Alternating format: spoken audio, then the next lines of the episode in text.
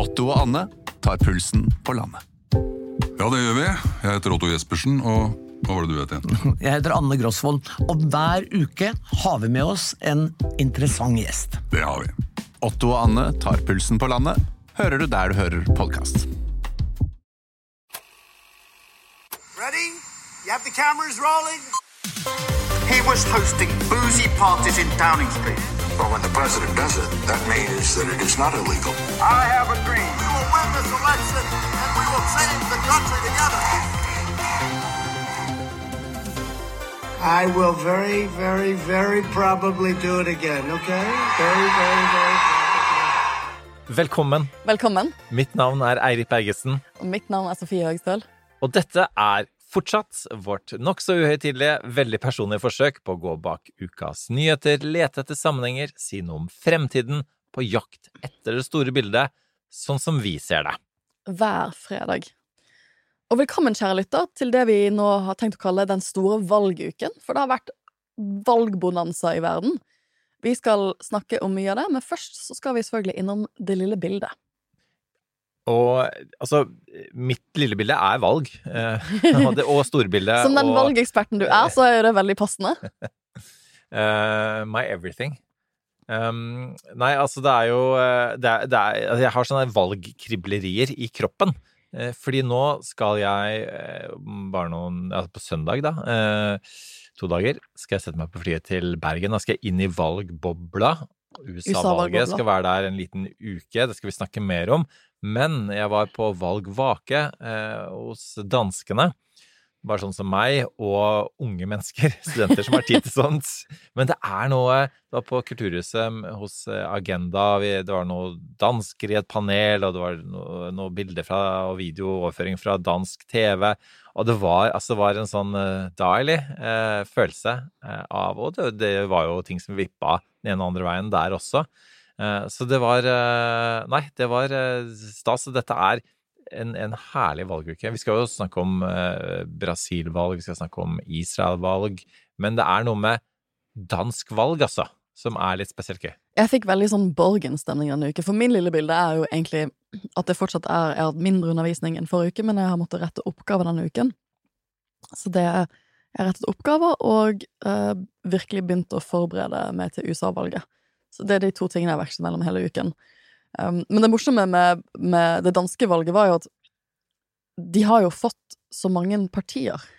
Så du så jo faktisk på den valgdebatten. Jeg så ikke på den valgdebatten. Uh, men det var jo bare slående å se bilde av så mange partiledere på én og samme scene. Ja, er vi inne på storbildet nå? Ja. Skal vi, skal La oss bare hoppe inn. Hva skjedde? Vi, vi, vi, vi, jeg føler at nå klarer jeg ikke å la være å prate om det danske valget. Så begynner vi Vi begynner i Danmark. Eh, Og som eh, Shakespeare som snakket om at 'something is rotten in the state of Denmark'. Nei, det er ikke det. Det er eh, ganske råttent i USA om dagen. Det skal vi snakke om senere. Men Danmark, altså. Eh, 14 eh, partier, ja. Alle har hver sin sånn bokstav, for øvrig.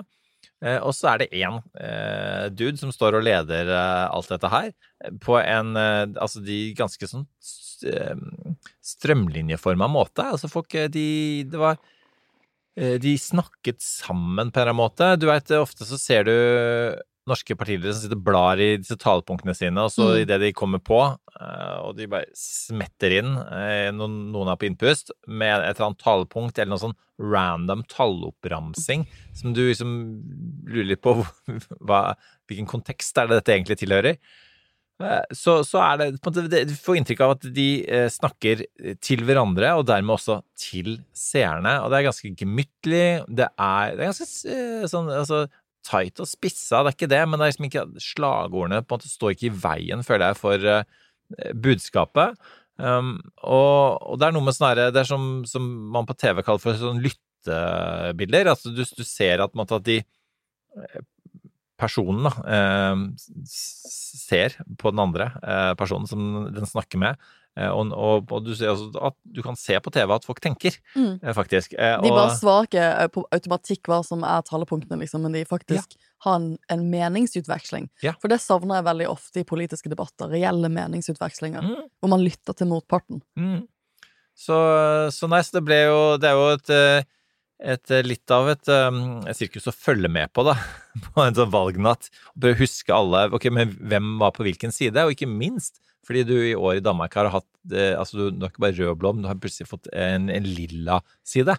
Ja, for det syns jeg var litt spennende. For, for de som har sett Borgen, som har vært en av våre anbefalinger før eh, på denne podden, de vil jo se at i sesong tre av Borgen så starter Birgitte Nyborg, en eh, som da er en tidligere statsminister, dansk statsminister, som jeg følger i sesong én og to når hun er statsminister.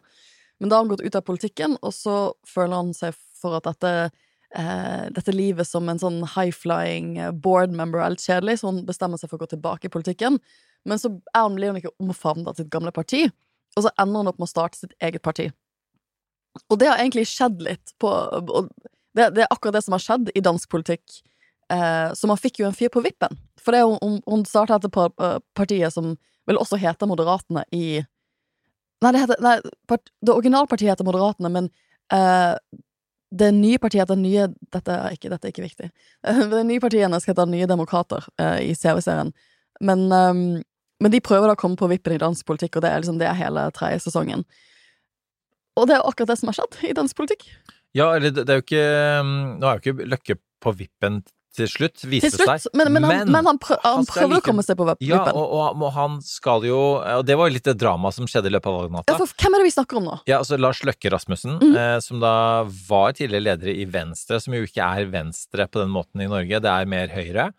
Eh, og en sånn slags sånn lyseblå variant. Um, mm. Men som for så vidt også er litt noen mørkeblå trekk i den forstand de var veldig ledende på dette med Eh, mot innvandring og henta inn Dansk Folkeparti eh, i sin tid også. Eh, men han, han, bytta parti, og det er ikke helt sånn, det er ikke bare i Borgen det skjer. En, Winston Churchill bytta også fra Tory til Lib Dems, han. Sånn at det er jo blitt, bit men han, men han startet jo sitt eget parti. Ja, det, ja, og jeg liker at Hvis du googler det, så er det sånn 'Founded June 5th 2022'. Og det syns jeg er sånn helt sykt at han, han har stiftet dette partiet i sommer. Um, Moderatene, vet du hva deres slagsord er? Den fornuftige stemme. Ja. Det er det jeg alltid har lett etter i politikk. Ikke sant? I tillegg har det vært sunn fornuft. Da sunn hadde jeg stemt på de sporenstreks. Og ikke bare fordi jeg er sånn lilla, sånn på midten-parti. Men altså, det er jo noe med altså, Danmark har jo også 2 eh, sperregrense, så det gjør at det åpner for flere typer partier. Mm. Og det var en diskusjon faktisk på valgvaken av et av disse panelene hvor Bjørgulf Braanen i uh, Klassekampen uh, gjorde seg faktisk til talsmann og følger uh, dansk politikk ganske tett, for at, at, det er noe man burde ha også i Norge. Fordi Norge er det en viss ustabilitet i partilandskapet. Det så vi forrige valg. Også i, i, USA så er det jo enda mer ustabilt. Altså enda færre partier, enda mer ustabilt. Så hans argument var på en måte i motsatt retning. Da. Ok, hvis du hvis du har enda flere partier, så, så er det en stabiliserende effekt i den forstand at du Ja, Lars Løkke Rasmussen uh, går ut av Venstre fordi at det er noen saker han ikke tror på, og så slipper du på en måte den derre partipiskdrevne eh, slags sånn herre Det var Henrik Ibsen som sa det, at alle partier er noe som bare moser alle tanker til, til én. og det er og det er jo på en måte sånn i, altså, man ønsker jo på en måte en sånn meningsutveksling også i et parti, eh, og det ser man ikke så mye til. Man, man oppretter tenketanker for at noen skal tenke for partiet, for det klarer man ikke lenger å gjøre internt i partiet. Så jeg, jeg oppfattet det som en, en, en, veldig god politisk idéutveksling, det vi så i den, den siste store valgdebatten i Danmark. Og jeg kan også legge til et annet program som jeg endte opp med å følge en del, som heter um, Aftenshow. Som, Aftenshow? ja, som var veldig morsom. Sånn, sånn, faktisk både sånn personlig uformell og ganske humoristisk fra både politikere og programledere. Og de, var, de quizet faktisk mm. eh, hverandre. Eh, og som jo er Det er faktisk Hvis jeg hadde tenkt på det, det tror jeg faktisk ikke jeg hadde gått med på. Veldig glad i quiz, men som politiker Du får spørsmål sånn her hva, hva, hva ligger arbeidsledigheten på? Hva koster en ja. liter melk? Hvor ligger den Hvilket distrikt ligger den byen? ganske skummelt å, å, ta feil her. Jeg tror faktisk ikke norske politikere hadde turt å være med på det, men jeg tror at grunnen til at man får det til Danmark, er at de er veldig mer, mer uhøytidelige. Kanskje det er lov å gjøre mer feil i dansk mm. politikk? Og det er sånn interessant, for Moderaterne ender jo opp med å få 16 plasser i, uh, i Folketinget i Danmark. De kommer ikke på vippen, som du sa, men de er jo kanskje med videre nå som det skal bli dronningsrunde, som de kaller det i Danmark, altså regjeringssonderinger. Mette Fredriksen vil, som da er Sosialdemokratenes leder, som vant valget eh, Imponerende. Imponerende. Veldig imponerende. Som vil ha de med. Så hun mm. reach across the aisle. Nå er det jeg som snakker eh, amerikansk her. Men det interessante er at i Bergen, ikke for å spoile det, men, men hun, blir jo, hun kommer jo på vippen for så vidt, men hun blir jo ikke statsminister igjen, hun blir utenriksminister. Så det, det er jo her, Jeg føler sånn, her skygger man fortsatt Borgen tett. Ja, tenker- det, det er antakeligvis noe sånt som ja, han, kommer til å skje. han blir jo antageligvis utenriks... Jeg tenker sånn, han blir jo, Hvis han skal inn i den koalisjonen her, så hadde det vært naturlig jo at han ble utenriksminister eller lignende. Finansminister. Men det er ganske interessant å se det der med at um, eh, At man eh, rett og slett ikke Du trenger ikke engang disse mandatene til uh, Moderatene, men du tar det inn allikevel, for du ønsker å skape en slags En sånn bred ja, bred plattform i en tid hvor det er politisk krise. Og bare så hive inn en liten ting på slutten der, eh, før vi går videre til et nytt land. Eh, vi hadde um, på TV 2 besøk av en viss Arbeiderpartipolitiker eh, som heter Trond Giske, på, i en spalte som heter Ærlig talt. Ja, nå, nå himlet du med øynene her. Nei, du gjorde en gjorde annen, du gjorde en, nei, du gjorde en bevegelse med sånn Oi sann, Mm. fikk dere han til å stille opp? Og stilte han opp? Og hva tenker partiet om det? Mhm. Eller partiledelsen? var det blikket jeg fikk av deg, da. Mhm. Eh, og det, har du helt rett i, eh, fordi at eh, et av hans poenger der var at eh, det er jo ikke gitt at man gjør det dårlig på meningsmålingene eller har problemer med å, å styre et land selv om det er krise, for det er jo også krise i for eksempel Danmark. Hint, hint. Mette Fredriksen gjorde et bra valg nå. Hvorfor gjør eh, Arbeiderpartiet det så ræva på meningsmålingene nå? De ligger jo og vaker ganske trygt under 20 Under 20 nå. Ja, det, Og det er jo- ganske, altså, som du ville sagt, shots have been fired. Og på spørsmål om eh, er eh, Jonas Gahr Støre din foretrukne partileder, så svarer Trond Giske at han er partileder. Ja. Alle vet hva det betyr. Alle vet hva det betyr. Og eh, som noen påpekte denne uken, det kom jo en ny meningsmåling som var knusende for regjeringen. All den tid Arbeiderpartiet fikk 18 og Senterpartiet ligger og vaker akkurat over sperregrensen på sånn 4,3. At de til sammen har jo det som ville vært en dårlig meningsmåling for Arbeiderpartiet. Altså 22,5% ville vært en krisemåling for Arbeiderpartiet, vanligvis. Eh, og det, det Da er, sitter du, selv om regjeringen har i teorien 100 mandater bak seg på Stortinget, så sitter man svakt når det reelle grunnlaget er det det er akkurat nå.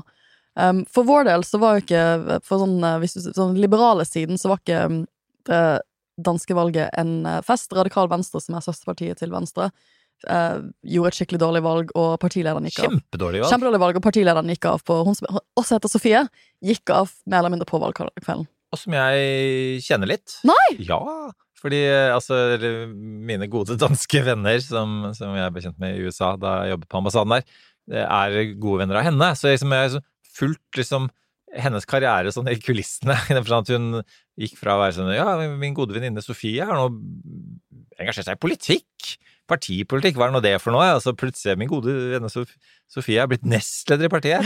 Og så bare- var det jo en sånn fantastisk metoo-skandale som gjorde at hun plutselig ble Ja, partileder. Det var Ja. ikke måte på føler metoo-skandalen sin. Og. Radikal Venstre var jo, var jo et, sånt, et, et parti vi så litt til, for de, de gjorde en del grep som vi syntes var interessante. Eller noen av oss Mm. Hun er jo kjempeflink, og de kjempe- gjort De er kjempeflinke. Ja. Liksom, jeg føler at de, de, var flink, de er mye flinkere på sånn budskap, føler jeg. Mye sånn flinkere på et enkelt, men treffende budskap. Så, så jeg og en del andre i, Venstre har jo sett til det for inspirasjonshistorien, og så får denne skikkelig store metoo-skandalen, og så når det går på tidenes valgsmell, eh, og da må man gå av som leder, og sånn er, sånn er politikken. For de som lurte på hva den metoo-skandalen var, Mm. så var det noe med at eh, partilederen hadde flere forhold til flere damer samtidig, og barn litt her og der, uten at noen av de visste om hverandre. Så det var liksom sånn eh, Hvis du syns at Odder og Grenoksen-skandalen var Ja. drøy, så det er noe med dansker, altså. Det er noe med dansker, det er en litt annen politisk kultur enn det vi har i Norge. Det er en annen kultur rundt disse tingene her, og det er jo faktisk det programmet som kommer etter Af- Aftenshow på DR, er eh, Momo på Maniac, som er altså Mormor på mannejakt. Det er eh, gamle damer som, som eh, skal Som dater. dater, som eh, er- oppsøker sånne gamle flammer fra ungdomstiden og så videre. Det er jo det jeg liker med Danmark, at det er mer liberalt. Altså, det er mer liberalt. det er mer avslappet. Jeg, jeg, jeg digger det. Men vi må videre i vår verdensturné. Hvor vil du nå? Eh, kanskje til eh, Brasil. Brasil. Hva skjedde i Brasil denne uken? Ja, Brasil, altså et land med, med over 200 millioner mennesker, som da går til valg, og så ender det med 50,9 versus 49,1. Det er så så tight, det. Og i et land som er Det er ikke bare han ene som er populist, der er det to populister. Så, og det gjenstår fortsatt å se hvordan eh, Bolsonaro, da, som nå tapte, kommer til å utnytte dette. Han har jo ikke, han har ikke anerkjent valgnederlaget, men han har gitt sin kabinettsjef ansvar for å på en måte The transition. Ja, sørge for at, at det er maktovergangen er i Sånn. gang nå, da. Sa han ikke noe sånn som at uh, jeg skal følge Grunnloven? Jeg skal følge grunnlovsprosessen. Og da syns jeg sånn Det var en sånn interessant måte å si at jeg tapte. jeg skal følge Grunnloven. Og det Jeg tolker det til at han mener at da skal jeg følge liksom prosessen for å gå av. Um, uten at jeg sier at jeg tapte valget. Uh, men det, det var jo stor spenning knyttet til om at han, han brukte jo, hva var det, to dager på å stue inn i presidentpalasset sitt. Eh, og folk eh, var jo urolige for, um, for om det kunne bli voldelige opptøyer, altså hva som kunne skje hvis han, hvis han ikke gikk ut og anerkjente Eller anerkjente valgresultatet på en eller annen måte, da, men han gjorde jo heldigvis det. Uh, og nå får vi se hva som de neste ukene har å by på. Altså fordi han har jo tett kontakt med Trump.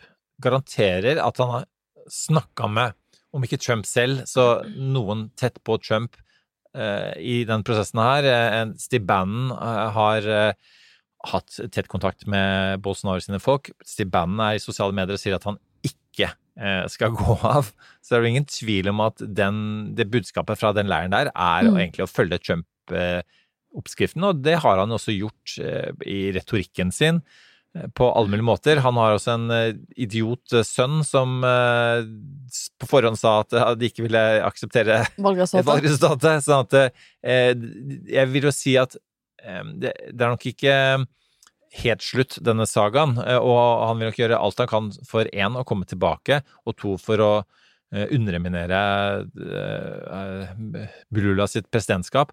Og så er det én ting til som Altså, det, altså som jeg tenker vi, vi kommer ikke utenom. Vi har snakket mye om at vi lever i en populistisk tidsalder osv. Og, så og nå er det mange, og i Norge også, for så, av gode grunner jubler høyt for at Lula har vunnet. Og er det noen det er, dette er bra for, så er det regnskogen. Som jo er eh, naturens CCS, Carbon Capture and Storage. Eh, og, og det er Nå vil det bli slutt på den Får vi håpe, da. Ja, at, eh, at det, de planene som ligger der eh, fra Bolsonaro om å bare fortsette med avskoging, og, og det er bra. Men eh, Lula er en venstreradikal populist eh, som eh, han eh, som, Det er god grunn til at ok, han, han Det er mye rundt det at han ble dømt for korrupsjon. Der var Bolsonaros folk veldig aktive. Eh, og, så, så- og så ble han frikjent. Men det betyr ikke at ikke han er omgitt med korrupsjon. Det betyr ikke at ikke folkene rundt han eh, er, er eh, tiltalt, dømt, involvert i korrupsjon. Og det er jo da en av grunnene til at Bolsonaro har vokst fram, og det må vi ikke glemme midt oppi alt heller. Nei, og jeg, så at eh, AP hadde en sånn artikkel som fikk tittelen 'With Bolsonaro tamed in defeat, Brazil steps back from the brink'. Sånn at de tar et steg tilbake fra ytterkanten. Men det er bare et steg. Jeg tenker det er ganske mye til som, som må til. Uh, og jeg tenker på hvor Brasil var for sånn 10-15-20 år siden. Mm. Da jeg studerte i London i sånn 2005, så var de ofte nevnt som en sånn uh, fremtidig land som kunne sitte i FNs sikkerhetsråd hvis man fikk til en sikkerhetsrådreform. For man antok at de kom til å bli en ganske stor både politisk og økonomisk makt, og så ser man heller at de siste 10-15 årene i Brasil så har ting gått veldig tilbake. Man har ikke hatt den økonomiske utviklingen man hadde håpet. Man har ikke løftet folk ut av fattigdom på den måten man hadde håpet.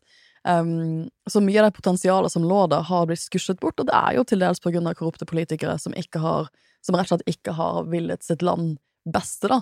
Og jeg tenker det som er interessant med Brasil nå, er at vi ser jo hvordan populistene Vi snakker om disse tre p-ene ofte. Polarisering, postsannhet og populisme. Og vi ser jo hvordan disse populistene eh, inspirere hverandre. At Bolsonaro blir inspirert av Trump.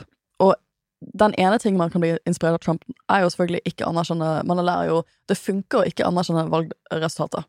Og det hadde han har jo Trump har jo greid å gjøre det i to år, og det har funket for han. Og man kan, man kan faktisk eh, ikke anerkjenne valgresultatet i flere år, og så kanskje gjøre comeback. Vi skal komme tilbake til Trumps comeback, men det, det er også eh, uroligende at eh, Jeg føler at før i tiden så ville man tenkt sånn Ja, nå tapte jeg. Nå, nå er jeg ute. Nå er jeg ferdig i politikken. Men ikke, det, det Trump gjør, er at han nok en gang ikke, ikke følger de forventningene og de politiske normene som ligger der.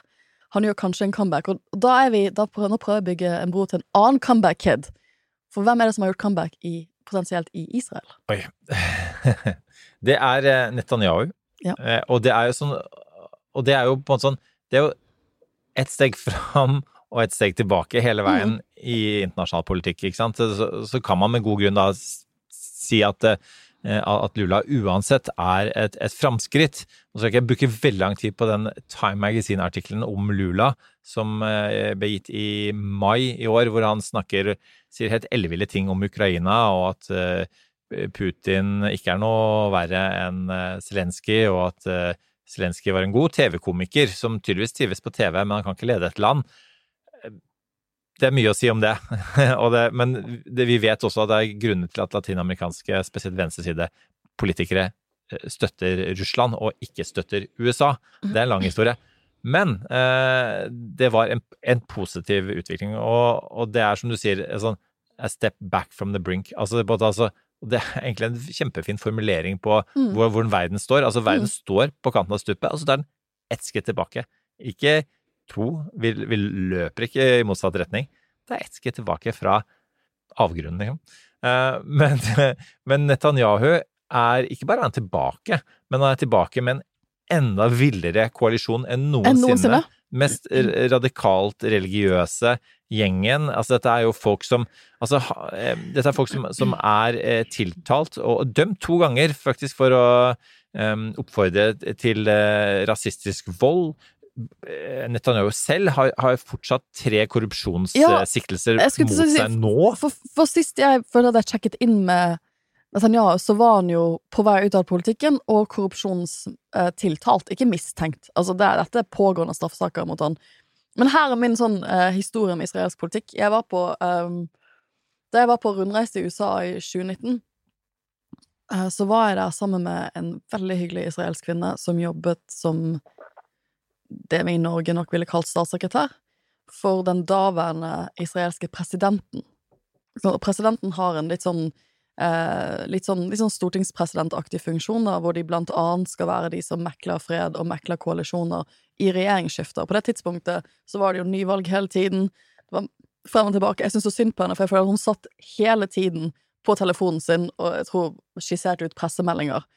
For han måtte jo da gå rundt til partiene. Kan vi finne en koalisjon? Kan dere samarbeide? Kan vi få en regjering? Å nei, ok, da er det kanskje nyvalg. Og frem og tilbake. Det virket som en ekstremt stressende jobb eh, å ha den jobben som hun hadde på det tidspunktet. Men jeg spurte jo litt sånn Altså, jeg spurte jo litt sånn Hva tenker du om, om disse korrupsjonssakene? Hun sa sånn Jeg kan ingenting om, om, om juss, men faren min er dommer, og han ville sagt at korrupsjonssaker tar veldig mange år å gå for retten. Eh, så hun hadde ikke så mye tro på at det ville ha så mye å si for han i, liksom, i et langtidsperspektiv, da, for tar disse sakene tar så lang tid. Og det er akkurat det vi er. Og jeg tenkte på henne her om dagen, det var akkurat det som har skjedd. Eh, jeg, jeg tenker at i Norge, hvis Erna Solberg hadde blitt tiltalt for korrupsjon, så hadde det vært Så hadde hennes tid vært ferdig i norsk politikk. Men det er ikke sånn det funker lenger. Og det er liksom også liksom Trump-effekten. Det er ikke sånn det funker lenger. Du kan være tiltalt under etterforskning for masse rare greier. Eh, og det har, har ikke så mye å si for din politiske framtid som det det ville vært. Det ville vært drepende før. Det er det ikke lenger. Det er jo den Altså, hvis du i tillegg er rik, da, Mm. populist, så kan du bruke den metoden som rike mennesker har brukt alltid, og bare eh, saksøke folk. Eh, og, og anke og saksøke videre, og så er, står ting i, i rettssalen i, i år etter år. Men altså, Netanyahu har jo også, Det er så fascinerende med han som populist, jeg lurer på om jeg har nevnt det før, men altså i forrige boka si så, så altså, legger han fram en oppskrift fordi, for hvordan man skal ta makt på, som jo er eh, som, selv Trump aldri ville funnet på og sagt høyt. Altså, han sier de stille tingene høyt. som, som handler om sånn Ja, du må, liksom, du må gjøre media til eh, samfunnsfiender, og så må du eh, eh, omgå sannheten hvis du må, videre. Altså, altså, det er ganske utrolig eh, at eh, Nå er jo, er jo et helt spesielt land eh, i, i, helt spesielle politiske omstendigheter, hvor Antageligvis, da. Jeg er heller ikke Midtøsten-ekspert eller Israel-ekspert, men så tenker hans velgere at vel det er det fremste redskapet vi har for å på en måte beskytte oss, liksom. Ok, he's a son of a bitch, but he's our son of a bitch. Og apropos det, da, så sier jo Azor Campbell i siste The Rest is Politics kaller han for Han siterer en, en kollega da, eh, som hadde truffet Netanyahu, og etterpå sa sånn her He's a 24 carat bullshitter. Jo, men det er akkurat det. Altså, han, han er- Man kan trekke så mange likhetstrekk mellom han, Bolsonaro og Trump. Det er veldig Det, det, det er en oppskriftsbok som de bruker, som er skrevet som, en, som jeg føler er, liksom, er mye av grunnlaget for den boken du har anbefalt før. Um, Moises Ja. Naim, The Revenge, The Revenge of Power. The Revenge of Power. Uh, eller som New York Times skrev, Benjamin Netanyahu will make a remarkable comeback as Israel's prime minister. For det er en remarkable comeback while facing long delayed felony corruption charges. Og det, og det igjen og, og da blir jo, Det blir jo veldig vanskelig for domstolen å skulle behandle en, en, en korrupsjonssak mot en sittende statsminister. Eh, Så han spiller jo også de litt ut, da, eh, ved, på sidelinja, ved å, å ta tilbake makten på den måten han gjør. Og apropos comeback, er vi da i USA? Da er på vi Trump. i USA. Da, er vi, da, er vi, Comeback Kid himself. da har vi kommet til endestasjonen for, eh, for, for de landene vi skal innom, og det er selvfølgelig USA. Og jeg var, hør med til historien, jeg var en li, lita runde på Ja, for jeg så, TV2-nyhetene du, i har dag morges. du har vært oppe tidlig i dag. Ja, og så er, i gamle dager så var det sånn her, ikke sant, man, man våknet, og det første jeg gjorde i hvert fall, var liksom å se på, ok, hva i verden er det Trump har twittret i dag, hvordan har han fått gjort verden et enda mer urolig sted, og, og ofte så var det sånn sju-sendingen, ikke sant, da skulle man kommentere på det siste, det siste Trump, eh, og, og det var liksom bestillingen, det siste Trump. Eh, Og, um, og nå har det heldigvis roa seg, ting er blitt eh, normalisert. Med Sleepy Joe så har jeg fått en litt mer sånn sleepy amerikansk politisk dekning. Ja, Når er det siste gangen du eller jeg ble ringt opp sent på kvelden for å kommentere du må komme i morgen tid og kommentere noe Biden har sagt? Jeg tror det aldri har skjedd. På godt og vondt for Biden! På godt og vondt for Biden, så har det nesten aldri skjedd.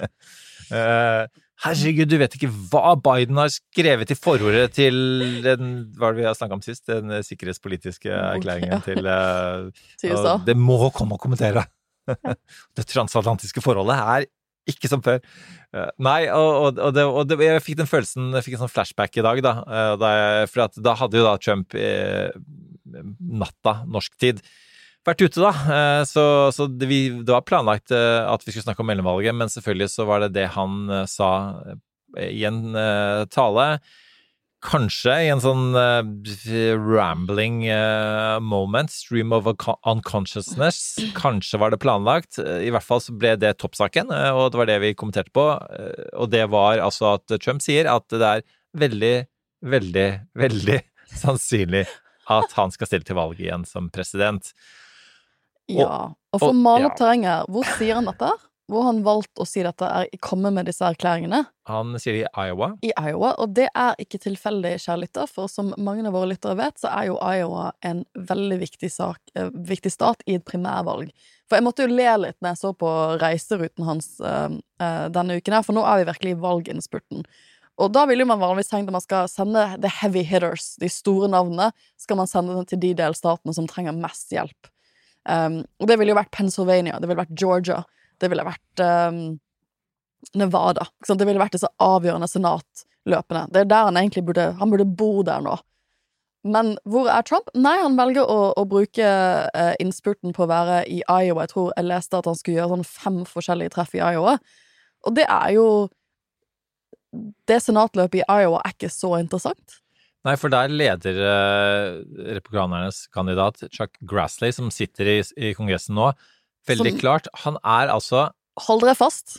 89 år Å ja, gammel! stiller til gjenvalg i et verv hvor du sitter i seks år. Ja. Så han var sånn Nei, nei, nei, jeg skal bli sittende til jeg er 95, jeg, folkens. Det er bare 95. slapp av. Altså, snakk om Sleepy Joe. Altså, er eh, komatøs uh, Grassley. Og liksom, man kan jo si at jeg tror ikke Grassley er jo en sånn mer old school Han er bokstavelig talt veldig old school republikaner. Altså, jeg tror ikke han og Trump har så mye til felles. Han har aldri vært en trumpist. Um, aldri vært på den siden av partiet. Men Han hvorfor, er, hvorfor drar Trump til Iowa? Ikke sant? Det er Ja. noen helt andre årsaker. Politisk Det er- strateg det er- Sofie Høgestøl. Det er jo bare for å, å shore up at han får At, å, at han snakker med alle støttespillerne sine i Iowa, og, og danne grunnlaget for at han skal vinne Iowa som en primærvalgstat. Ja, fordi hva er den første staten ute i primærvalgene? Det er Iowa. Iowa. Det er Iowa. And you, and you have, liksom, og, liksom, Iowa og New Hampshire, det er de, de er de tidlige primærstatene. Eh, og det at han velger å bruke så mye tid der nå, det, det, for meg er det like talende som at han velger å si i går. At det er very, very, very likely at jeg kanskje gjør dette igjen. Og for de som eh, trenger å bli minnet på det, eh, ja, Trump som da sier at han eh, valget var rigget mot han og i presidentvalget, og fortsatt eh, ikke eh, slutter med det budskapet. Iowa, som da var det første primalvalget hans, første valget hans eh, noensinne, som han da tapte mot Ted Cruz, hva sier han allerede da? Jo, valget er rigget, vi må ha et omvalg, eller i beste fall en omtelling. Så dette er jo, har han alltid gjort. Det er lett å glemme, men han har alltid gjort det. Han begynte med det allerede den gangen. Eh, Altså, uansett om han kommer tilbake eh, eller ikke, det at han snakker om at han skal komme tilbake, det er, eh, er det bare to mennesker som eh, setter pris på. Det er Donald Trump selv, og så er det Joe Biden. Fordi dette valget skulle for republikanerne handle om økonomi, økonomi, økonomi. Og den skulle ikke handle om Donald Trump, for det var det som skjedde sist. At eh, økonomien, selv om det, var- det var nede med pandemien, så hadde den gått ganske bra fram til da. Eh, Og hvis Trump hadde fokusert på det, så, så kunne han lykkes. Det var, altså Vi om det var tett i Brasil, men det var 110 000 stemmer eh, Mm. Er som avgjorde i, i USA. Eh, og som Restless Politics eh, også eh, lista opp her om dagen. Hvis Boris hadde hatt, fått så vidt over 100 da, eh, blant sine folk i, i parlamentet, så kunne du faktisk hatt per i dag, eh, også den eh, tett i Brasil, sant? Eh, Bolsonaro, Boris og Trump nå i dag som Og. Netanyahu, kanskje. Og Netanyahu Ja. ser det ut til. Så der har du hele bøtteballetten. Nei, men altså, han eh, Altså, Trumps narsissisme er jo det som står i veien for, for både Trump, men ikke minst for det republikanske eh, partiet. Og det er kjempedårlig nytt, eh, fordi at han eh, er eh, ute og promoterer seg selv. Men eh, så er det også sånn, som du påpekte rett vi skulle inn her nå, republikanerne leder med såpass mye Mm. at de ser jo ut til å vinne uansett hva Trump måtte finne på. Og generic ballot Ja. er jo inne nå. Kan ikke du forklare Ja, nei, for lytterne at- litt hva det er for noe? Mm.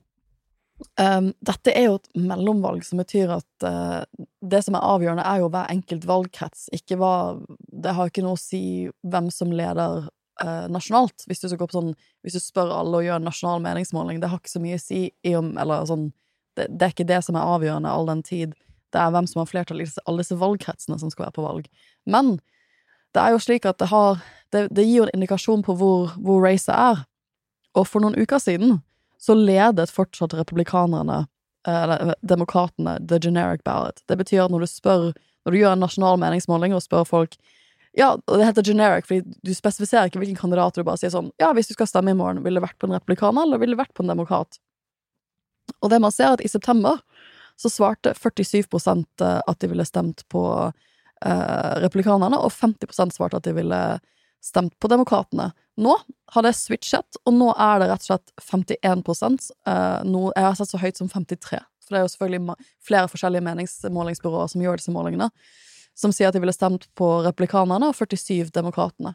Og det er ganske avgjørende, for det vi vet, og vi har jo snakket om dette før, det er jo at demokratene, de, de har de, de blå statene i USA, ofte de store folkerike statene som New York eller som California spesielt.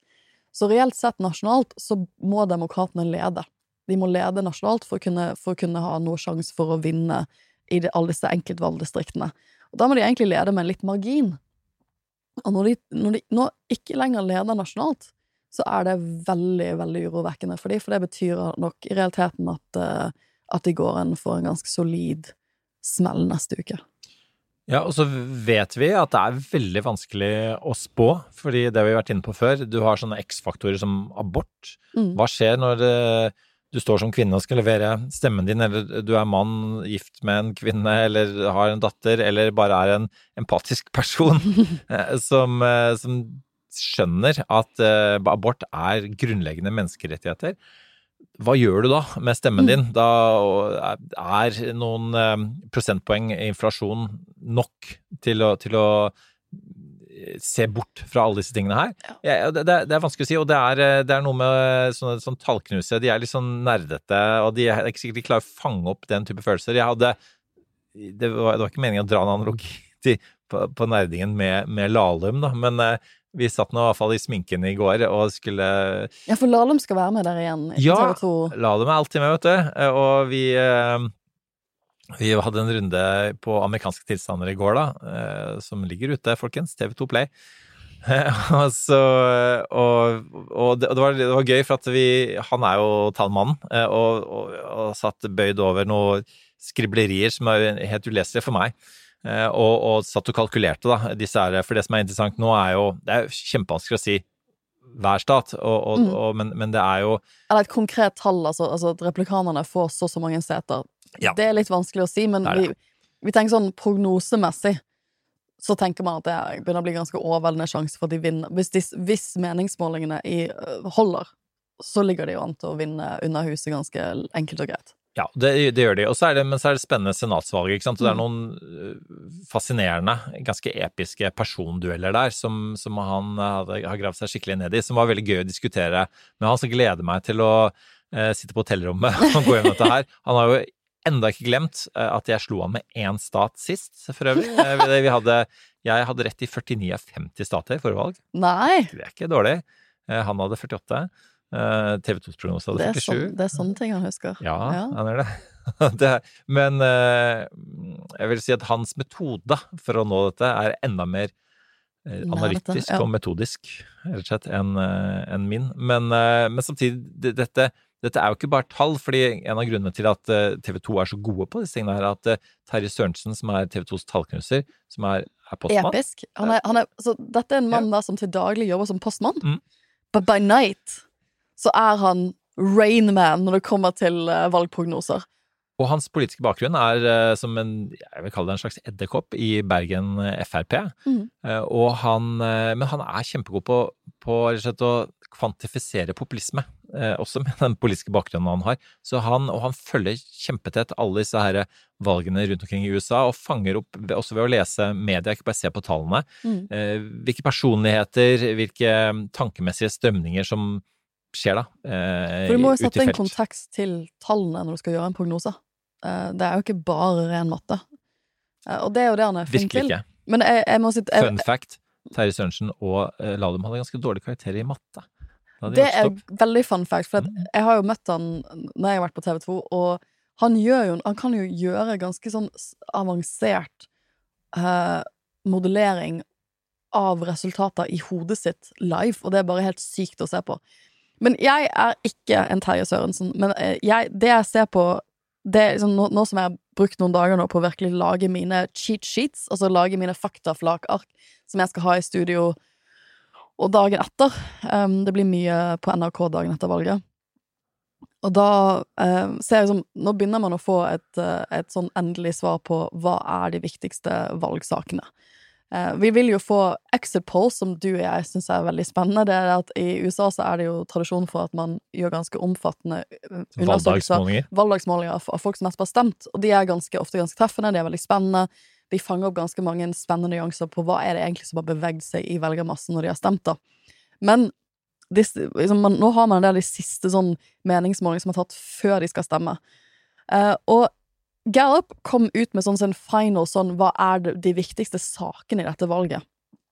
Og hvis vi ser på sånne saker man sier er extremely important, så er det economy som uh, som troner øverst. Det er ikke overraskende. 49 av de som blir spurt, sier at det er extremely important. Ikke bare som very important eller litt viktig. Extremely important. Men for første gang da, i moderne tid så er abort på 42% som extremely important. Mm. Så det er ikke det at abort Mm. ikke er viktig. Så det syns jeg var veldig interessant, og de hadde en sånn uh, oversikt over eh, liksom, hvordan har abort gjort seg de siste årene. Og abort har jo knapt vært på listen i 2018 og 2014 og 2010 i mellomvalg. For er de, de, de, de, uh, de, um, de sammenligner det med andre mellomvalg. og sier at abort er liksom ikke vært relevant de siste tre mellomvalgene. Du må liksom tilbake til 2006, og da var det sånn 27 som sa at det var liksom deres, deres, viktigste, deres viktigste sak, da. Eh, økonomien selvfølgelig er jo mye mer jevn, men eh, økonomien har ikke vært så viktig i et mellomvalg siden 2010, og 2010 var jo selvfølgelig Da var vi jo eh, i USA fortsatt inne i finanskriseperioden. Derfor var det selvfølgelig viktig. Og 2010 er jo når eh, Obama eh, gikk på en skikkelig valgsmell i sitt, Obama. Obama i sitt mellomvalg. Så det er jo ikke Det er rett og slett Det at økonomien har seilet opp som så viktig, det, liksom, det er ikke det at abort ikke er viktig, men man ser at økonomi er veldig viktig. Og så hva er den tredje viktigste saken som republikanerne har truffet godt på? Det er rett og slett crime. Mm. Eh, og det er noe kanskje du og jeg ikke har fokusert så mye på, men republikanerne har snakket mye om crime eh, siste månedene, og du ser at det seiler opp som en skikkelig viktig sak. Eh, og så det, når du har greid å ta sakseierskap til både, liksom, både toppsak én og tre, så er det ikke dårlig når du stiller. Det, det, det er en bra ting, for det er jo snakk om hvem er det du stoler på? Sånn Hvem stoler du på når det kommer til å, å løse så store sakene? Og CNN har jo masse sånne de, de har jo masse flinke tallknusere og de gjør masse egne meningsmålinger. Og en av de um, en av de jeg tror mer sånn avgjørende tingene de har fokusert på, er at når man spør amerikanere nå, uken før valget Uken før valget, liksom Hvor bra går ting i landet vårt? Så er, sier 74 pretty or very badly. Mm. Og bare 26% sier very or fairly well. Og det er jo en trend de siste årene at amerikanerne, og egentlig på vek vekslende administrasjoner på Mm. begge partier, sier at det går mye dårligere. Mm. Eh, Og det handler jo litt om at levestandarden har gått ned, eh, og Absolutt. politisk uroen har økt, polariseringen har økt osv. I disse årene. Og hvis du hadde spurt meg i dag sånn går ting bedre for deg enn i, fjor, absolutt ikke økonomisk. Med disse høye boliglånsrenter som bare går opp og opp og opp. opp, opp. Jeg skjønner at jeg har fått en reallønnsøkning, altså at jeg, har fått, jeg får mer i lønn nå enn jeg gjorde i fjor. Men det jeg står igjen med hver måned, er mindre. Og det er jo den trippeleffekten av prisstigning på mat og um, energipriser, og da renten som går oppover.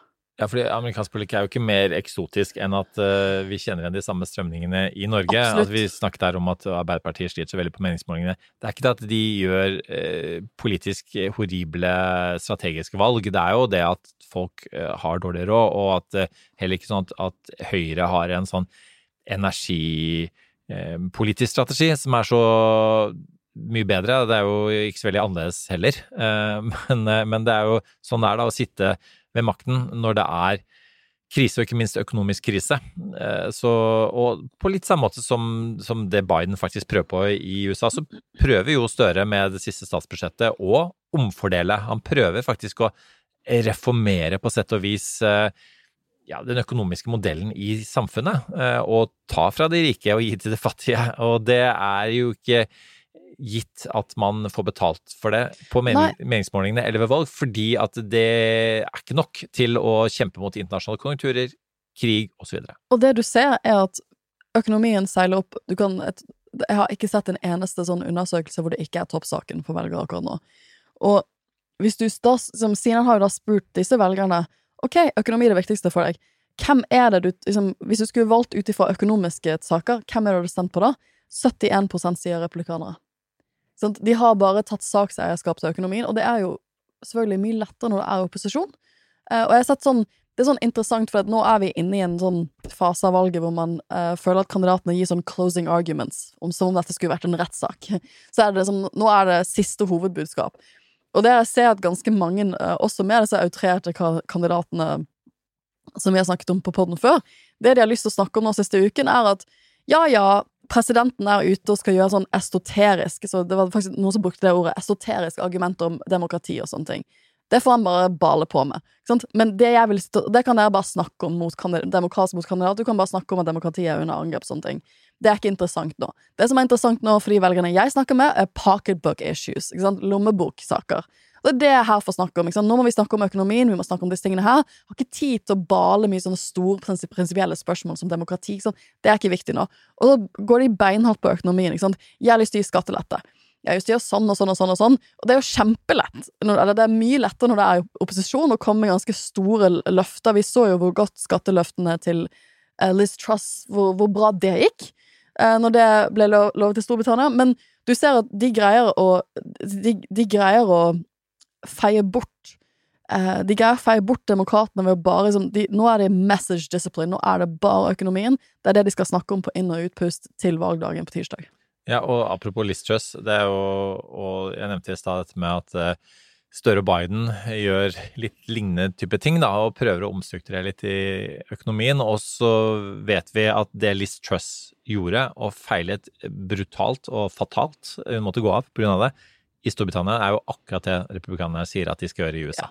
Som antakeligvis kommer til å få mye av den samme effekten. Så det, det er jo ingen av de som måtte har eh, har en sånn vinneroppskrift i den forstand at eh, altså det, altså, USA er jo på vei inn i den samme resesjonen som Storbritannia er i nå. Mm. Uansett hva de gjør. Eh, så, sånn er det bare. Og, og det, på en måte så er det kan det funke for, eh, hvis du ser fram til 2024, da, eh, funke for demokratene også, og det vet de godt. Det er liksom sånn eh, The blessing in disguise her er at ok, hvis de får inn selv bare hvis republikanerne overtar ett av kamrene, så blir det jo fullstendig hengemyr i Kongressen. Ingenting kommer til å komme gjennom. Og du har masse radikale gærninger hos republikanerne spesielt, som gjør at du kan gi de skylda. For at hei, vi har ikke fått til noe på grunn av det, eh, men hvis dere bare stemmer på oss som president og, eh, og et med nytt kongress, så vil vi kunne klare det. Eh, Ellers så tenkte jeg også bare nevne dette med kriminalitet, for at det som er litt sånn rart med det, da Det er lett å si at jo, kriminalitet er, er er viktig, og det burde være jo Det burde man jo alle, støtte. Men altså, hva Altså, USA er allerede tough on crime igjen. De har allerede den største andelen av befolkningen i fengsel i noe annet land, by far. Og, eh, og det eneste som er i nærheten, er jo diktaturer. Og så skal de, ha, skal de putte enda flere folk i fengsel? Og, og tror de at det eh, eh, kommer til å fungere? Ja, jeg syns det er fascinerende at uh, men, men, men det er klart, de, de, de snakker om Og jeg syns også vi kunne jo gjort et lengre program om episode om hva er det egentlig replikanerne ligger i crime? Når velgere sier at det er det de bekymrer seg for, det, hva er det egentlig de bekymrer seg for? Hvilken atferd er det egentlig de bekymrer Er det sånne Black Lives Matter-protester som er det de bekymrer seg for? Er det innvandring de bekymrer Altså, hva er det egentlig som ligger i disse Er det bekymringene? Black Lives i seg selv? Ja. Altså er det en type Hva- iboende rasisme i det? Ikke sant? Ja, så- Kampen mot narko krigen mot narkotika er vel egentlig det krigen mot svarte i sin tid med Richard Nixon. Ja, så det er jo sånn interessant Eller altså, er det reelle, reelle Altså, er det, er det eh, en del byer hvor man føler at det er mer usikker å leve enn før, hvor demokratene ikke har vært flinke nok til å snakke om eh, Og at man kanskje føler at de har snakket for mye om å avskaffe politiet, når de burde snakket om heller liksom, politireform og hvordan man faktisk gjør gatene tryggere. Og det, det, det du, jeg tror det som er veldig talen nå, er at demokratene allerede er i full gang med å skylde på hverandre rundt at de ikke har vært at de har valgt feil saker, og at de ikke har vært flinke nok med budskap. Og det er sånn, for meg sånn tre, det er sånn tre tall som jeg tenker er ganske avgjørende frem mot neste uke. Det er det at økonomien har seilt opp de, til de grader første største sak, og at det er ikke hjelp. Det er ikke hjelp. Altså, i, i forlengelsen, det, er ikke- det er ikke noe hjelp for Biden at uh, den, eh, den franske Den amerikanske sentralbanken gjør nok en trippelrenteheving. Altså det er helt rentesjokk til luks rett uken før valget. Så det er økonomitallene, og det at eh, republikanerne tydeligvis har såpass stort sakseierskap på økonomien blant velgere. Det andre er jo at disse tallene knyttet til at så mange velgere mener at landet er på feil vei. Jeg har sett tall oppe i 70-80% og det er også demokrater. Så hvis du at, hvis du er virkelig bekymret for økonomien, du mener at det er liksom dette, du, du merker at det er helt krise, du føler at landet går feil vei, ikke sant? Den, den cocktailen der er allerede ganske giftig hvis du er sittende styrende parti som demokratene er nå. De styrer jo alle kamre.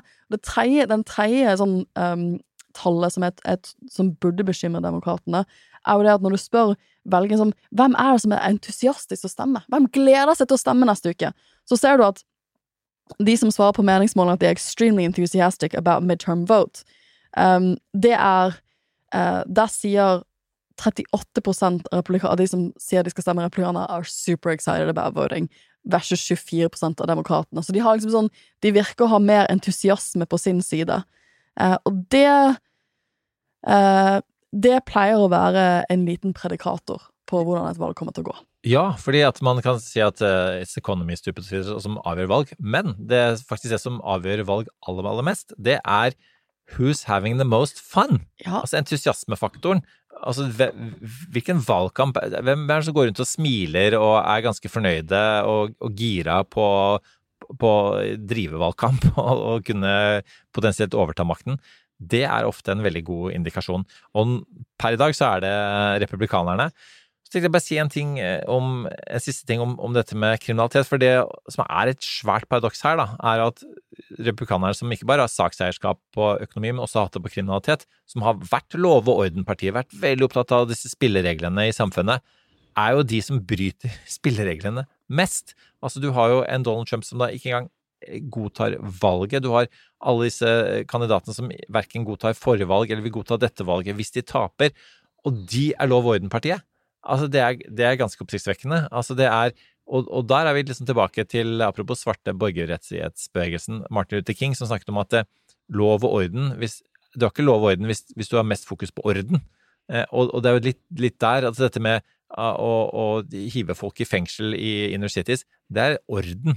Eh, det er ikke nødvendigvis lov, eh, og, og det tar ikke nødvendigvis eh, utgangspunkt i de forferdelige sosiale boforholdene mange har der, og, og narkotikaproblemene osv. Det er ikke at de er mer umoralske, disse menneskene som, som bor der, og, og det er altfor ofte oppskriften for eh, republikanerne.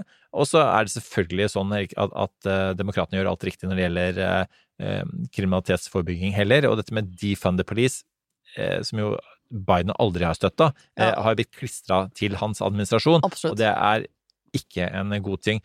Og apropos eh, kriminalitet, da. Eh, vi kommer ikke utenom at eh, Paul Pelosi, mannen til eh, Ja. Nancy Pelosi, ble angrepet i sitt eget hjem. Mm.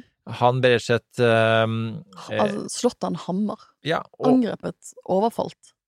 og dette førte til én masse moro på eh, republikansk side. Både blant politikere som Keri Lake, Arizona-guvernør, Dette er en kandidat. eldre mann som har blitt overfalt i 82 år gammel. Ja, som har blitt overfalt i sitt eget hjem av en, en mann som Dette er min sånn favoritt-fun fact om dette, eller sånn plot twist, er at det kom frem i går at denne mannen som har gjort dette her, er fra Canada og har ikke engang stemmerett i USA, og overstated immigration visa. Så det, det er liksom Du ser hvordan sånn konspirasjonsteorier For det, eh, politiet har jo vært Jeg har sett noen av pressekonferansene med, med politiet, og de har vært veldig tydelige på at dette er en mann consumed by conspiracy theories. De konspirasjonsteoriene vi har snakket om, om at valget er stjålet og eliten og bla, bla, bla. Og han kommer da hjem eh, Han um, bryter seg da inn i hjemmet deres for å finne Nancy, og, og spør liksom ektemannen hvor er Nancy, hvor er Nancy. Blir veldig sint når hun ikke er der. Uh, og så ser jo da ut som han har rett og slett slått uh, ektemannen hennes med hammer så mye at han har fått kraniebrudd. Og det er alvorlig når du er 82 år gammel. Han er, han er fortsatt på sykehuset. Uh, og det vi ser med en gang, er em, Igjen, for 10-15 år siden så liker jeg å tro at selv om ting var polarisert da, så ville hele den amerikanske toppolitikken kommet sammen og vært sånn Dette tar vi sterk avstand fra. Ja, vi skal ha spirited debate, det skal være en ordentlig valgkamp, men politisk vold tar vi veldig, veldig sterk avstand fra. Det tror jeg hadde skjedd for 10-15 år siden. Det er ikke det som skjer nå. Det rake motsatte skjer nå. Og det er at um, en del av disse konspirasjonsnettsamfunnene, som da har produsert konspirasjonsteoriene som har radikalisert denne gjerningspersonen, de eh, dikter da opp historier om at ja, men var det egentlig et angrep? Er det ikke kanskje en eh, mannlig prostituert som har vært hjemme hos de og gjort sånn og sånn og sånn? Og det interessante med dette var at vi, snak, vi var så vidt innom det på Urix på onsdag, og jeg fikk eh, noen timer senere en e-post fra sikkert en veldig hyggelig mann som var sånn men er dette egentlig sant? Og så linkte akkurat de konspirasjonsteoriene med at ja, ja, men sånn og sånn og sånn, og han var jo egentlig, de, de var underbuksa, er ikke det rart? Og så eh, akkurat samme konspirasjonsteoriene. Men hvem er det som sprer disse konspirasjonsteoriene nå? Jo, Elon Musk, nye eieren av Twitter, var, var på, og Trump har jo selvfølgelig vaset rett inn i det. vi, vi må innom den Musk-biten her. For Ja. at det, det var ikke uventet at Keri Lake syntes dette var ustyrtelig morsomt å Hun har så å si aldri møtt en konspirasjonsteori hun ikke har likt. Godt poeng. Det, Don Junior eh, storkoser seg med dette på Twitter, eh, og eh, det ble et av de eh, mest populære i det miljøet. Eh, mimene gikk på at eh, det å gå rundt med hammer som halloween-kostyme eh, var en eh, artig take på det hele. Det er nå én ting. Men så er altså da mannen som da i løpet av de siste dagene altså har blitt eh, eier av Twitter, Elon Musk, leder an på Twitter med konspirasjonsteorier. Han var jo en av disse som, som har fremmet denne ideen om at eh, eh, dette var en slags sånn fyllerør blant to homofile elskere eh, som eh, kjente hverandre godt på forhånd. Altså alt dette er jo blitt avvist av eh, politiet. Elon Musk ender opp med å, å ta vekk den eh, Twitter-meldingen. Så vi er altså i en situasjon hvor mannen som kjøpte Twitter for å fjerne kanselleringskultur, kansellerer seg selv. ja, og en av de første tingene han gjør etter han har tatt over Twitter, er å tweete dette. Og det, det er jo ikke en god start. På, altså det bekrefter jo mange av de verste fordommene man hadde mot han som, som ny leder for Twitter. Snakk Um, om skjebnens ironi. Ja, absolutt. Og jeg syns det var så sjelsettende å se på politiets pressekonferanse. For politiet så litt sånn smådesperate ut. De var sånn 'vær så snill, ikke spre konspirasjonsteorier'. Dette er veldig alvorlig. Vi ser at dette er en mann som har blitt konsumert av, konspirasjonsteorier. Ikke gjør dette. Vi syns det er veldig urovekkende å se at disse konspirasjonsteoriene blir spredd av politiske miljøer. Og da, da er det jo bare ett miljø de snakker om, og det er Trump-republikanermiljøet. Eh, og det, og- men det har jo ingen effekt. Tilsynelatende ingen effekt. Og der har vi en bro, ikke bare til å avslutte dette, Mhm. men, og ikke bare til norsk politikk, men til 2.0-versjonen av min Gjelsvik-rant. Ja! Ja! For jeg avbrøt ranten din forrige uke, for jeg måtte springe og Karrieren din kom i veien Ja! for min rant. Ok, du skal, få, du skal få litt tid til å rante nå. And I will strike down upon thee with great vengeance and furious anger. På debatten i går så var, det nemlig eh, Du var jo Mente kanskje at det var allerede i forrige uke at den var litt passé, den saken her. Men nei da, denne saken har jo holdt seg i mediebildet. Og i går uh, dukket den opp igjen uh, på, på debatten. Og det som var litt sånn fascinerende med det, da uh, må bare litt sånn eh, En litt sånn interessentanalyse interessant analyse her. Jeg må bare gjøre oppmerksom på at, både kona mi satt i det panelet. ja, jeg skulle til å si at jeg så ikke debatten i går, men jeg har sett bilder at det var en uh, veldig kul og vakker kvinne i, på debatten i går. Det var jo selvfølgelig din kone. Bente. Ja, for hun er medieforsker, har skrevet bok om falske nyheter, jobber med nettopp dette, og hadde som oppgave der å si litt om hva er en konspirasjonsteori? Hva er det til forskjell fra en, en mening? Eh, hun eh, veldig diplomatisk eh, sa at det Gjelsvik har fremmet, var en mening. Eh, men det som var interessant her, var jo at altså, poenget er jo da at man har drevet et, en scenariotenkning rundt ok, hva er det Hvilke saker er det man kan utnytte hvis man er en fremmedmakt som ønsker å splitte en nasjon? Sånn, hvis bidra til å splitte. hvis du er Russland og skal inn og gjøre noe valgpåvirkning i Norge, litt sånn som Russland gjorde i USA For det var jo det de gjorde da, de valgte en del sånne splittesaker. Liksom. Du så at de for eksempel støttet i USA, da, så valgte de sånn Black Lives Matter-miljø. Altså, de, de gikk jo inn De hadde valgt ut visse sånn konfliktsaker, og så tente de litt ild opp under de. Og det forskerne har gjort i denne rapporten, her, jeg har ikke lest den, men slik jeg skjønte, de har, de har valgt ut De har prøvd å tenke sånn hvis det skulle vært sånn scenario hvor en Russland- Russland-aktig aktør kommer inn i Norge og skal spre noen konspirasjonsteorier for å påvirke et norsk valg, hvilken saker ville de valgt?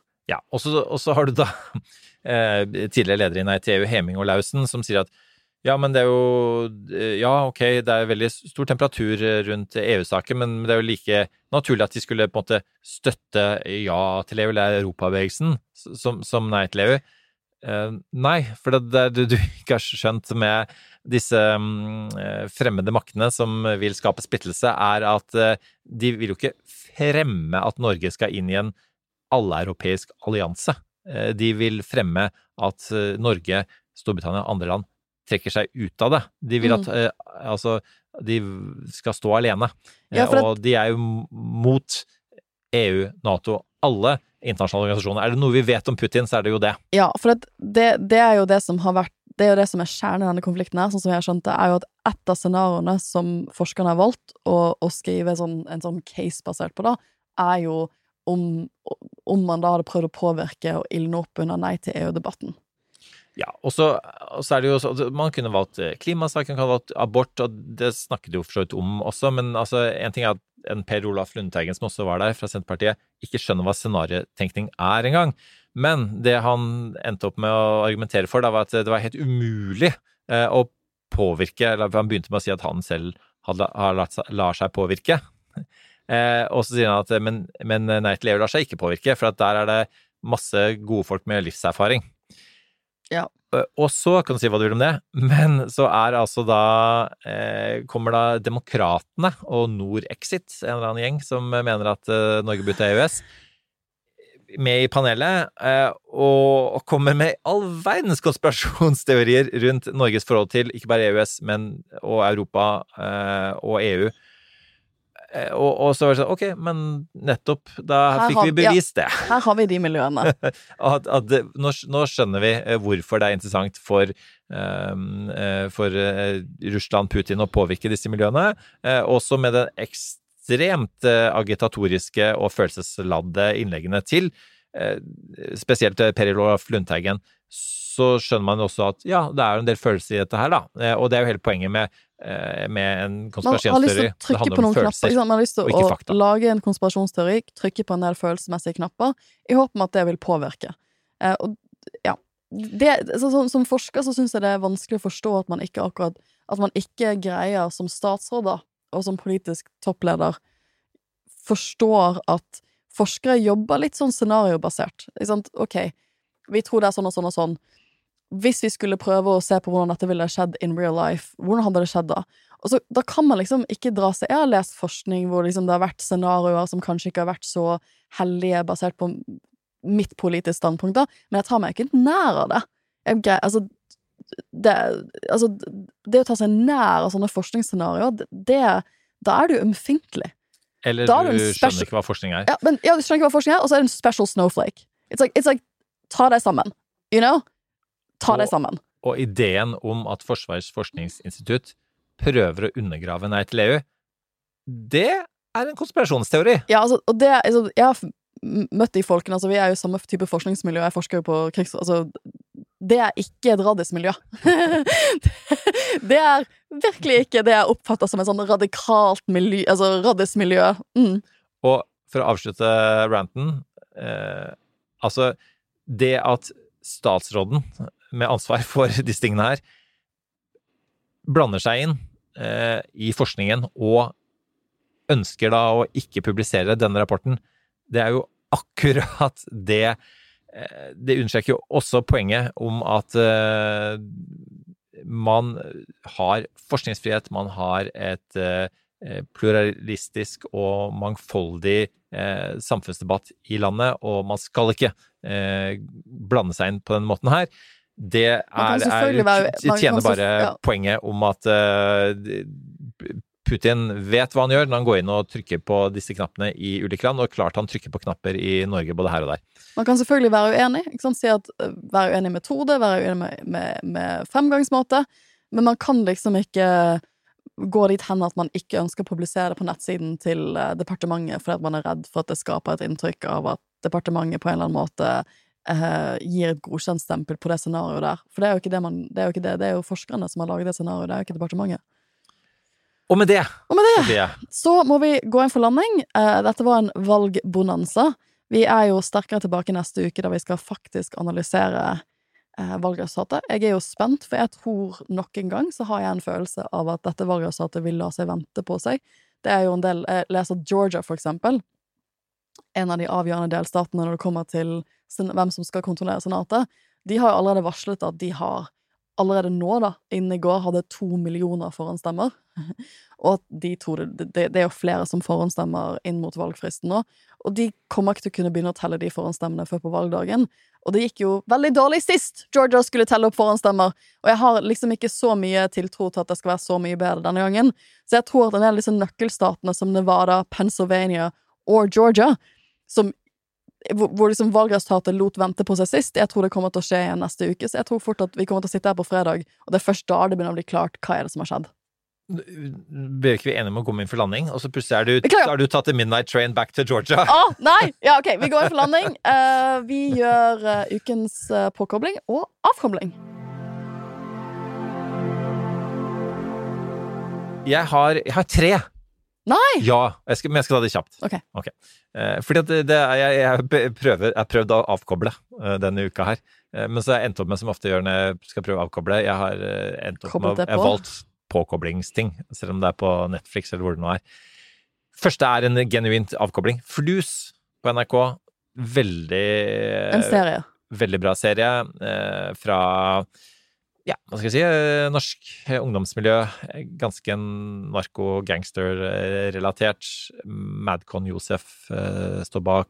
Selskapet Spark har produsert. Veldig Det er både drama og humor. En En livsfarlig cocktail i underholdningsverden i positiv forstand. Og så er det Folkevalgt, som er en eh, riktig så trivelig serie fra, som følger nye folkevalgte, Mhm. stortingsrepresentanter, en del eh, yngre da, på Stortinget. Jammen så jeg ikke snurten av en Sofie Høgestøl i en selfie-positur. Ikke helt ukjent positur.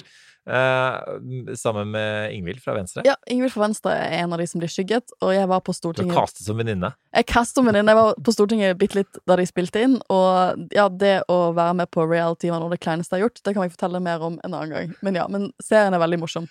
Og eh, ordentlig fine personlighetstyper som virkelig brenner for det, Det sine visjoner. Altså, og fra Rødt, fra Rødt Rødt til Frp. Han Tobias fra Rødt satt jeg eh, satt foran ham på Stortinget noen uker når jeg var der i vår, og han er så gjennomgående hyggelig og, og fin person, og det vil jeg si alle, alle de nyvalgte de følger, er jo typer hvor du tenker at åh, så fint hvis politikken er gjennomsyret av sånne personer. Og eh, min favorittscene er jo når han Bø fra Høyre er på Claes Olsson og handler ting han trenger. Og prøver å bære med seg blant annet et her strykebrett og diverse andre ting. Og den eh, mest jov... En av de eh, ingen, Ikke til forkleinelse for deg, Bård Hoksrud, men en av de mest joviale karene på Stortinget, vil jeg tro. Eh, Blant mange joviale. Mange politikere er joviale, altså. Eh, Men han nesten banner og steiker på veien hjem der. Absolutt, han, han er faktisk venn av um, svigerbroren min, som bor i Tromsø. Daniel, de er gamle venner for Unge Høyre. Så, og han, han er Han er bare skikkelig hyggelig, han også. Så jeg, jeg, jeg gleder det, det er veldig fint at de får den serien der. Jeg håper at de gir et litt bedre innblikk i hva et vanlig folkevalgt liv er, da. Og siste eh, forslaget er eh, da, eh, da Macron ringte Putin. Har du sett den? Dokumentar. Ikke ennå, men den står på toppen av listen.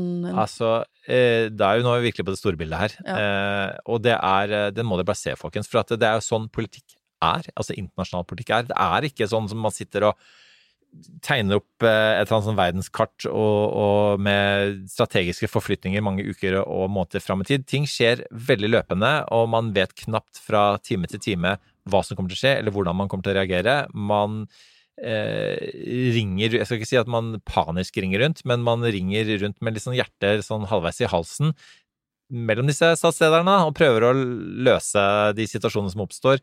Og det er Macron som driver ringer både her og der.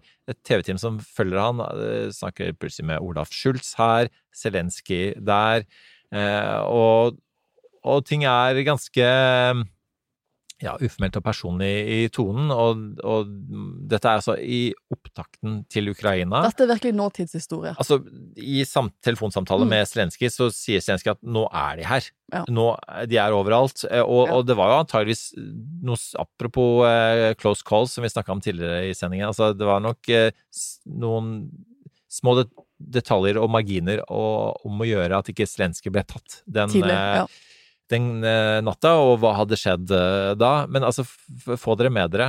Um, jeg skulle si at Macron kommer godt ut av det, gjør han for så vidt òg, men, men eh, kanskje er det noen slags en sånn naivitet der, altså, som jo for så vidt også er, er jo eh, som ligger litt i politikken, da. Eh, at en, en som kan forveksles med en type som eh, et åpent sinn, jeg vet ikke. Eh, men eh, fascinerende, og ikke minst selvfølgelig disse her eh, litt yngre fotfolkene som, som går i beina hans og, Og, prøver å plutselig eh, løse dette her på hans vegne. plutselig sitter der og, og er liksom førstelinjen mot en krig i Europa. Ja. Eh, jeg, mitt, eh, jeg har hatt en uke hvor jeg har prøvd å koble av litt. Jeg har koblet på mye med amerikansk politikk, men jeg har koblet av med Midnight, som er, Midnights, som er Taylor Swift sitt nye album. Jeg tenkte å ha det som ukens anbefaling forrige uke, men da var det fortsatt så nytt at jeg var sånn, jeg må prøve på noen dager til. Og jeg er ikke sånn ihugga Taylor Swift-fan, but it's really, really good. Det er, og det er sånn, it is so good at hun har gjort noe historisk for en artist i amerikansk historie. Hun har altså, hun hadde hele topp ti-listen i Billboards 100, Top 100-sang. Hun hadde førsteplassen, andreplassen, tredjeplassen, fjerdeplassen, femteplassen, sjetteplassen, syvendeplassen, åttendeplassen, niendeplassen og tiendeplassen. Det har ingen annen artist gjort, og albumet gikk jo rett til nummer én. Så det, det er det, det var sånn, det, jeg føler sånn album også It's kind of snuck up on me. At det var jeg, som jeg satt og hørte hørt på de låtene. Slikt går ikke Anores i uh, populærmusikkens uh, hjemland. Sofie Høgestøls uh, leilighet. ja. Der går det i Taylor Swift. Da går det i Taylor Swift. Men det var det vi hadde. Det var det vi hadde. Vi snakkes neste uke. Det er mye man skal følge med. Og til neste uke Nesten sånn eh, 2.0-versjon neste uke. Neste uke gleder jeg meg til å For vi skal jo vi, Jeg føler sånn Nå skal vi, vi skilles lag. Nå skal du inn i din TV2-boble. Jeg skal inn i min NRK-boble. Og så møtes vi her neste fredag for debriefet. Blir det valgnatt på NRK? Nei, ikke, ikke like lang som deres. Men det blir Ah, så mye god lytterne det blir hva de skal så følge på mye- valgnatt, da. Det blir så mye TV2. dekning på onsdagen. Det er bare å glede seg. Til TV2s valgnatt. god helg God helg. og god uke. They should pay you extra. I know! That's enough. Put down the mic.